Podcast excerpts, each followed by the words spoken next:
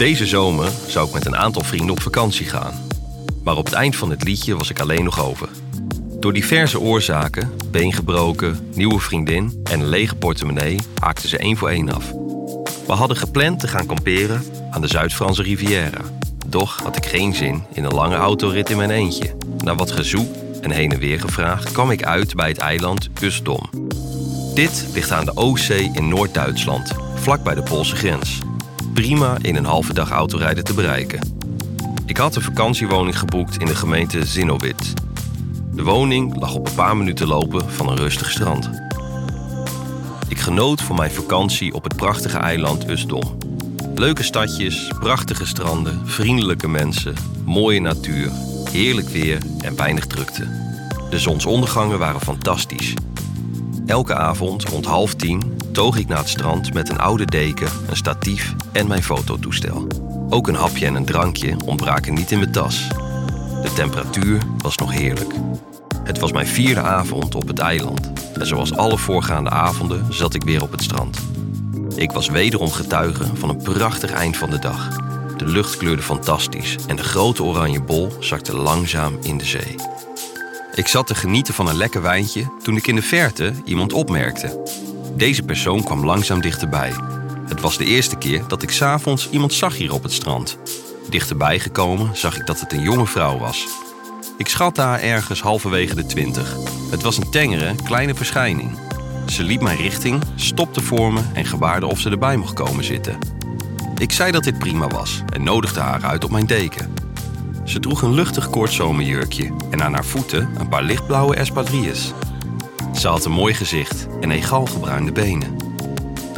Ik vroeg naar haar naam en zei dat ik Daniel heette. Ze keek me vragend aan, alsof ze me niet begreep. Ik gebaarde door naar mijzelf te wijzen dat mijn naam Daniel was. Ze wees naar zichzelf en zei Maya.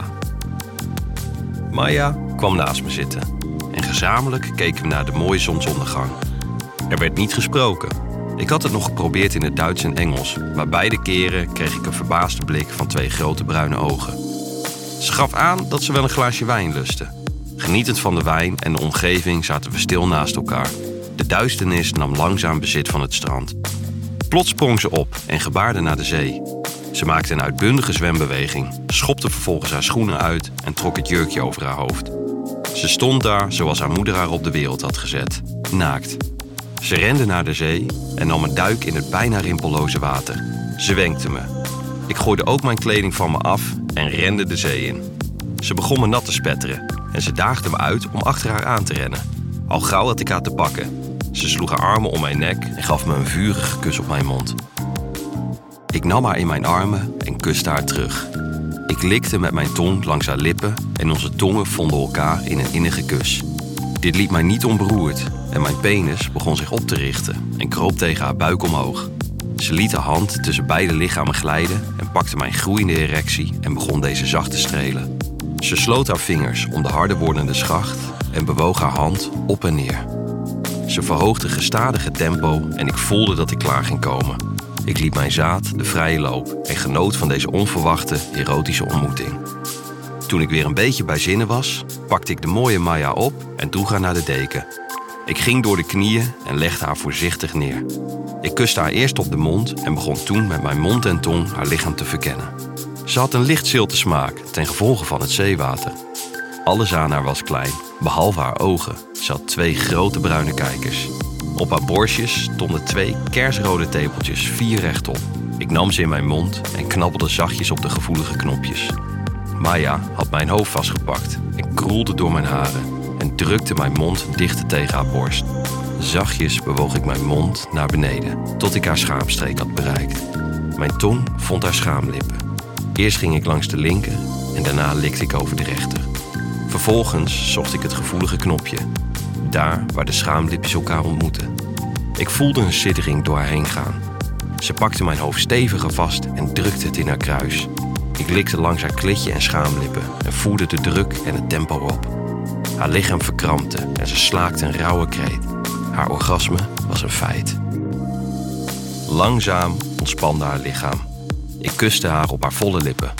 Maya nestelde zich in mijn armen en kuste me terug. Ik duwde haar even van me af, stond op en pakte gauw een condoom uit mijn portemonnee. Ik rolde deze af over mijn alweer stijve penis. Snel nam ik haar weer in mijn armen en vervolgde onze kussessie. De ontspanning had weer plaatsgemaakt voor hevige opwinding. Maya rolde op haar rug en spreidde haar benen. Ze pakte mijn penis en leidde hem in haar vagina. Mijn eikel passeerde zonder problemen haar vochtige schaamlippen. De rest van mijn erectie volgde snel. Ze was warm en vochtig. Ik begon in een rustig tempo te bewegen. Maya volgde het ritme. Ze genoot ziende ogen van ons liefdesspel. Ik vond het fantastisch en voerde het tempo geleidelijk op. Opeens duwde ze me van haar af, zodat ik op mijn rug lag. Ze ging schrijlings op me zitten, pakte mijn penis en liet zich over de harde schacht zakken. Ze bewoog in een hoog tempo op en neer, werkte zich naar een tweede orgasme. Ook ik kon het niet meer tegenhouden en kwam bijna tegelijkertijd klaar. Ze kuste me zachtjes en bleef bovenop me liggen. Toen we weer besef van plaats en tijd hadden, pakte Maya me bij de hand liep samen met me naar de zee. Ze nam een verfrissende duik. Ik volgde haar voorbeeld en kuste haar. We liepen weer naar onze spulletjes en trokken de kleren weer aan. Ze keek me diep in de ogen aan en zei iets van Jinki i dobrano. Ik had geen idee wat het betekende, maar het klonk heel lief. Ze kuste me nogmaals, zwaaide en liep weer de kant op waar ze vandaan gekomen was. Ze keek niet weer om. De avonden daarna ging ik elke avond naar dezelfde plek om haar weer te zien. Ze liet zich, tot mijn spijt, nooit weer zien. Voor mij bleef dit een van de mooiste zonsondergangen van mijn leven. Ik ben jaren later nogmaals op dezelfde plek geweest. Er was niet veel veranderd. En ook nu bleef ik alleen.